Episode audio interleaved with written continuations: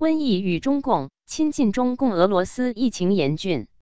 大纪元二零二零年六月十一日讯，大纪元记者舒华报道，中共病毒武汉肺炎疫情在全球爆发初期，俄罗斯灾情发展尚属平缓，但近一个月以来，俄罗斯染疫人数陡然上升，至六月十日，确诊病例达到四十九点三万例，感染人数排在全球第三位，染疫人数日增近万。情势严峻。按照病毒学理论，在人群密切接触的地方更便于传染性病毒迅速传播。俄罗斯地广人稀，其人口密度为每平方公里八人，在联合国成员一百九十三个国家中排第一百七十九位，本不利于呼吸类传染病毒传播。那么，是什么原因导致那里的中共病毒瘟疫如此肆虐？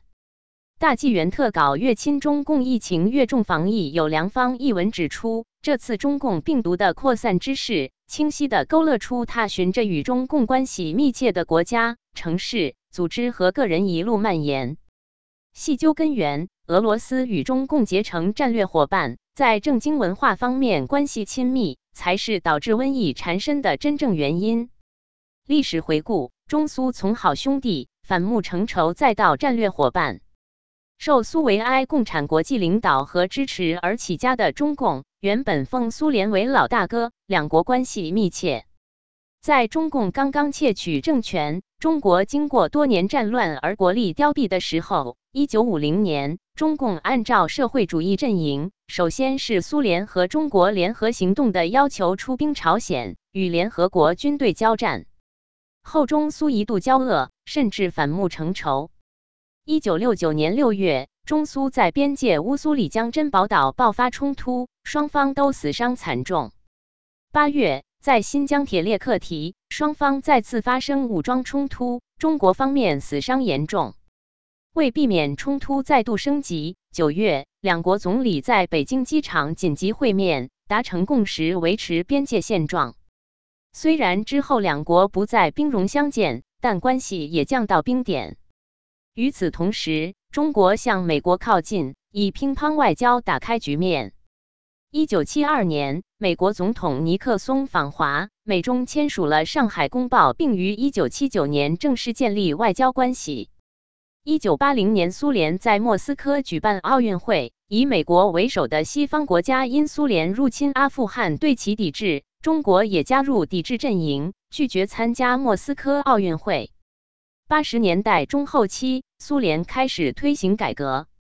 中苏关系开始慢慢解冻。一九八九年，戈尔巴乔夫在中国发生学生民主运动期间访华，因天安门广场被学生集会占据，欢迎仪式改在首都机场举行，中共感到颜面尽失。戈尔巴乔夫成为第一位访问中国的苏联最高领导人。一九八九年六月四日。中共动用军队血腥镇压学生及北京市民，举世震惊。北京的学生民主运动虽被镇压，其精神却引发东欧巨变。戈尔巴乔夫顺应民心，解体苏共，共产铁幕轰然崩塌。遭受共产主义蹂躏多年的东欧人民重返自由，焕发新的生机。一九九一年十二月，苏联解体后的第二天，中共宣布承认俄罗斯为苏联的继承者。在中国，江泽民踩着六四学生的鲜血上台，成为中共党魁。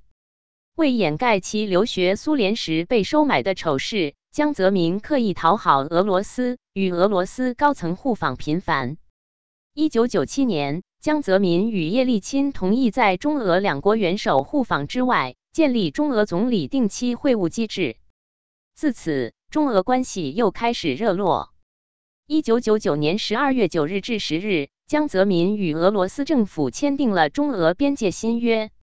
在这个新的边界条约中，中国人得到了图们江出海口的捕鱼权，要回了本来就属于中国的几个小岛，却承认了中国一直拒绝承认的中俄九项不平等条约，将中国与俄罗斯多年来存在的边界领土争端做了一个令人震惊的结论。放弃由中华人民共和国完全拥有主权的相当于一百一十个台湾的领土面积。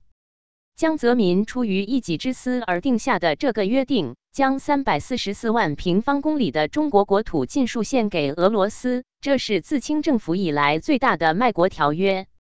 二零零一年，普京上台以后，与中国签署了中俄睦邻友好合作条约，确定战略伙伴关系。二零一零年，两国确定全面战略协作伙伴关系，中俄高层互访频繁，战略伙伴关系亲密。至此，中俄关系又变成好兄弟。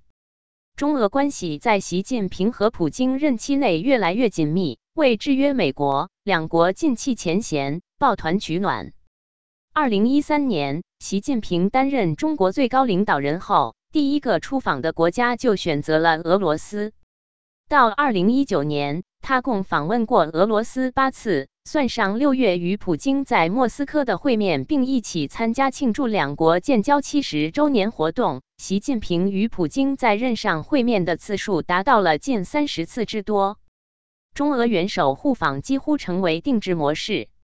除了两国元首互访外，中俄总理定期会晤也是一个定制。二零一九年九月。李克强与俄罗斯总理梅德韦杰夫会晤，这是中俄自一九九七年由江泽民与俄罗斯定下的会晤机制以来的第二十四次总理定期会晤。两国在多个国际重大问题上也同进同退。在联合国安理会议上，中俄都投票否决制裁叙利亚阿萨德政府的决议。对待朝鲜核武器问题上，两国一唱一和，调门一致。不仅如此，两国多次联合军事演习。二零一七年七月，中俄海军在波罗的海首次举行联合军事演习。二零一八年九月，中共军队又参加了俄罗斯代号“东方二零一八”的军事演习。最大能源消费国和最大能源生产国，战略伙伴合作的项目之一还包括能源。自上世纪九十代开始。中国就成为原油进口国。随着经济发展，中国对能源的需求也快速加大，开始向国际市场购买原油，成为全球最大的能源消费国。为保证经济持续增长，中国积极开拓与产油国之间的关系。作为产油大国的俄罗斯，自然成为重中之重。俄罗斯石油年产量居世界第二。二零零五年产油四点七亿吨，产量仅次于沙特阿拉伯。俄罗斯天然气产量也位于世界前列，其天然气储量达四十七点五万亿立方米，居世界第一位。中国看重俄罗斯能源的原因还包括运输安全的考量。以中国现有能力，不能保证海上运送的原油的安全，而与俄罗斯合作能减轻此顾虑。中俄之间有共同边界，可经输油管道直接将俄罗斯原油输送至中国境内，既可确保能源供应稳定，且其安全性亦大幅提高。二零一三年，两家中俄国营企业中石油与俄罗斯石油公司签订了一份供油协议，是中国原油贸易中最大单笔合同，也是全球石油工业历史上最大的交易之一。根据此协议。俄罗斯将在目前中俄原油管道东线一千五百万吨每年输油量的基础上，逐年增加对华提供原油，到二零一八年达到三千万吨每年，增供合同期二十五年，可延长五年。通过中哈原油管道西线，于二零一四年一月一日开始增供原油七百万吨每年，合同期五年，可延长五年。同时，俄方还承诺，在中俄合资天津炼厂建成投运后，每年向其供应九百一十万吨原油。未来，中国石油进口俄罗斯原油量将达到四千六百一十万吨每年。根据合同，中国向俄罗斯石油公司支付六百亿至七百亿美元的预付款，中共为普京女婿买单。为稳固与俄罗斯的战略伙伴关系，中共不惜以高价出手购买俄罗斯西布尔石化公司百分之十的股票，而这个公司的第二大股东就是普京的小女儿的夫婿，其拥有公司百分之二十一的股份。二零一五年，俄罗斯总理梅德杰夫访问中国，此次访华签订的数十个合作文件中，引入注目的是中国石油化工集团收购俄罗斯石化工业巨头西布尔石化公司百分之十股权的协约。中国对西布尔的资产评估为一百三十四亿美元，比二零一四年上涨了十亿美元，同时也创下了该公司资产有史以来的最贵纪录。但俄罗斯目前正陷入越来越严重的经济危机，卢布贬值剧烈，经济衰退可能还没有跌至谷底，资本正从俄罗斯市场大量外逃，俄国公司和企业的资产大幅缩水。但在这种背景下，中国却高估西布尔公司的资产价格，采取与市场趋势反向的举动，高价收购西布尔股权，耐人寻味。作家白桦在中国密报四十一期刊登的文章《中国高价收购普京女婿控股资产》中写道：“中共成为俄罗斯第一大贸易伙伴，在经济贸易上，中俄贸易额逐年增加，从二零零一年到二零一八年，十七年内翻了十倍。”并计划到二零二四年达到两千亿万美元额度。在最近的十几年中，两国中俄的双边贸易有着较快增长。二零零一年，中俄之间的贸易量达到一百亿美元的目标后，二零零四年年初达到二百亿美元，二零零六年超过三百亿美元，二零一二年达到八百八十一点六亿美元。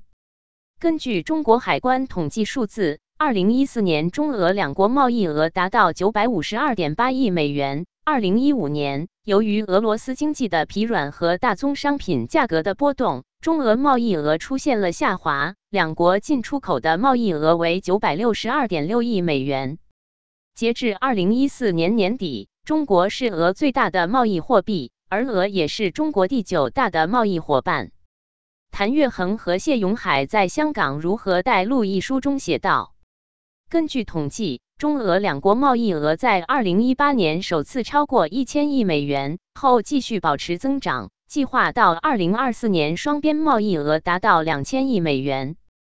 中俄在能源、航空航天、互联网、卫星导航系统等领域加强战略性合作，并铺设中俄东线天然气管道、同江铁路桥、黑河公路桥。滨海一号、滨海二号陆海联运国际交通走廊等项目，